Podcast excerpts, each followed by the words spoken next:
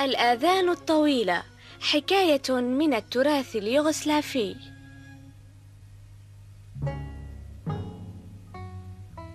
كان يا مكان في قديم الزمان كان هنالك حاكم يعامل رعيته بمنتهى القسوة والأنانية وقد صم أذنيه عن جميع ما يقال من حوله من نصائح. فكان حصاده الدائم كراهية الجميع وبغضهم له. كان الحاكم يضع على رأسه قبعة لا تفارقه أبدا أثناء الطعام وفي الحمام وحتى في أوقات النوم. وظن الناس أن الحاكم مصاب إما بالصلع أو بتورم في رأسه. لا لا لا شك أن في رأسه قرنين طويلتين. نعم. احتفظ الناس بظنونهم تلك سرا بينهم. ولم يكن يعرف ما تخفيه قبعة الحاكم سوى الحلاق الذي يزين له شعره. إلا أن جميع من دخل القلعة من الحلاقين لم يسمع عنهم أي شيء لذا انخفض عدد حلاقي البلدة انخفاضا ملحوظا. ولم يتبقى منهم سوى حلاق عجوز متقاعد منذ عشرين سنة وحلاق آخر شاب متدرب لم يسبق له أن حمل المقص من قبل. يريدك الحاكم؟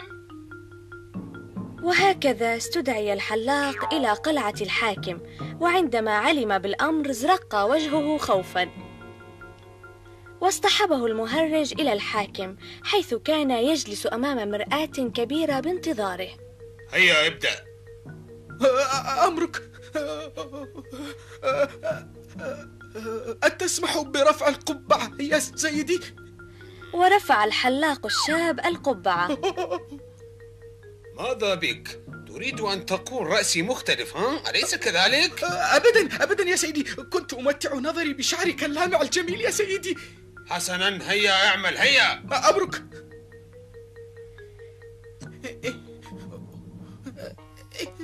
ولشد ما كانت دهشة الحلاق كبيرة حينما رأى رأس الحاكم وكانت له أذنان كبيرتان إلا أنه تماسك وكتم مشاعر الدهشة في نفسه كي لا يلاحظ الحاكم ذلك فمن يدري ما تكون عاقبته إذا ما ضحك مثلا.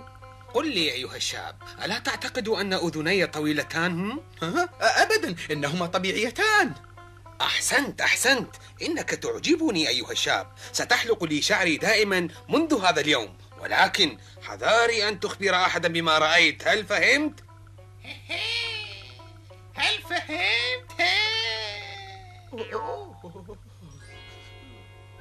بعد عودة الحلاق الشاب إلى دكانه ازدهر عمله بشكل ملحوظ وكثر زبائنه إلا أن اهتمام الزبائن كان منصبا على سماع أخبار رأس الحاكم اسمعوني إن رأس الحاكم ماذا به؟ أخبرنا ماذا هناك؟ ماذا أخبرنا؟ لا شيء. لا شيء. أرجوك أخبرنا ماذا لا شيء. اعفوني من هذه الأسئلة.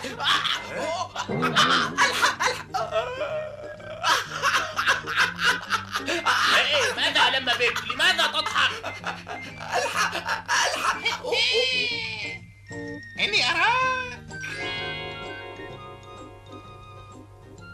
كما تعلمون كان من الصعب على الحلاق الشاب أن يحتفظ بما رآه سرا مع نفسه ولكنه كان يبتلع الكلمات كلما حاولت الخروج من بين شفتيه وهكذا انتفخت معدته انتفاخا ملحوظا.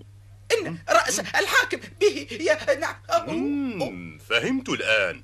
إن ما حدث لك نتيجة لابتلاعك لما تريد أن تفصح به وإذا تبعت هذا فستموت لا محالة. لا أستطيع إن رأس نعم رأس ال مم، اذهب إلى الوادي واحفر حفرة وقل فيها ما تشاء. نعم. وعملا بنصيحة الطبيب ذهب الحلاق الشاب إلى الوادي وأنشأ فيه حفرة. أذن الحاكم كأذني الحمار.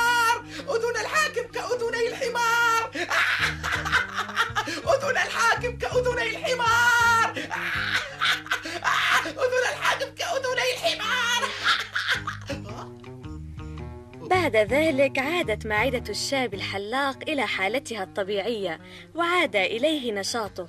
وكلما شعر بحاجة للكلام ذهب إلى حفرة. أذن الحاكم كأذني الحمار! أذن! وذات يوم أذن الحاكم كأذني الحمار! وبمرور الأيام نبت القصب في الحفرة التي أعدها الحلاق الشاب. وذات يوم مر راع من أمام الحفرة وكان هذا الراعي يجيد العزف على المزمار. فأخذ قصبة وجعل منها مزمارا وبينما كان ينفخ فيه أذن الحاكم كأذني الحمار! اندهش الراعي لما سمعه فعزف لحنا مختلفا ولكن أذن الحاكم كأذني الحمار! أذن الحاكم. تتا كأذني الحمار. كفى كفى. قل لي هل سمع أحد هذا المزمار سواك؟ كلا كلا يا سيدي هذا مزمار فريد من نوعه. إنه يصلح لأذني الحاكم فقط وسأرضى بأية جائزة تمنحه جائزة؟ أتظنني سأعطيك جائزة بسبب هذا؟ نعم. اخرس احضروا الحلاق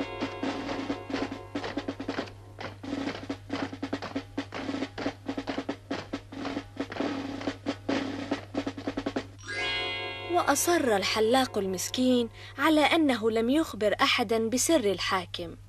لم أخبر أحدا؟ صدقني نعم. اسمعني أيها الحلاق. لا يهمني إذا ما تكلمت في حفرة أو تحت الماء. المهم أنك أبحت بالسر وعقوبة ذلك الموت. سيدي.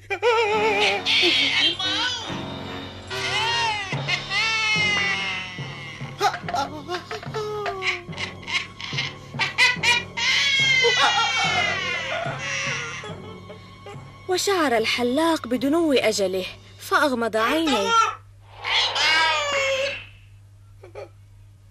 ألم تسمعوا شيئا؟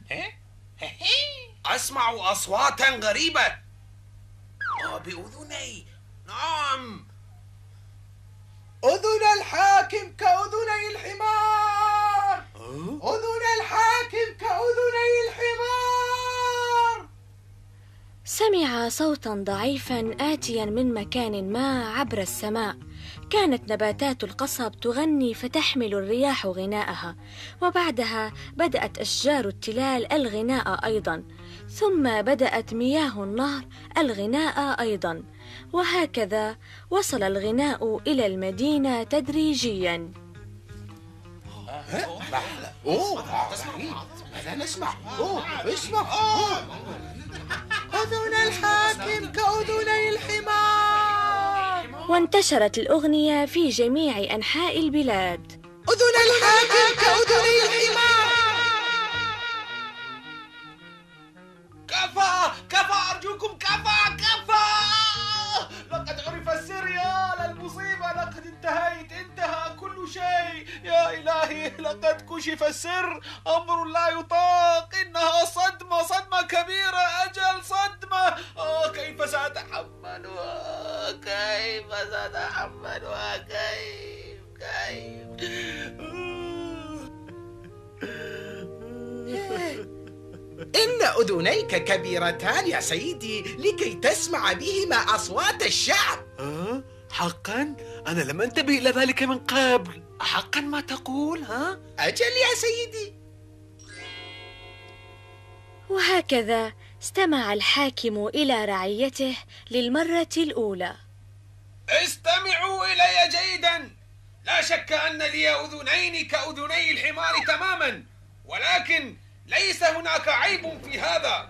وكم كنت غبيا لأنني أخفيت هذا الأمر. ولقد أدركت الآن إن الله تعالى وهبني هاتين الأذنين حتى أسمع أصواتكم جميعا.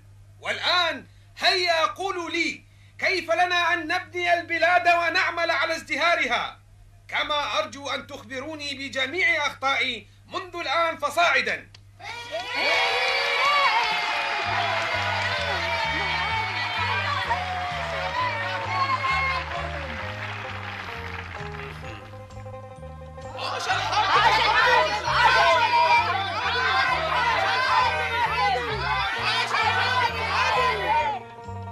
صمتت أشجار الوادي عن الغناء كما صمتت نباتات القصب ومياه النهر.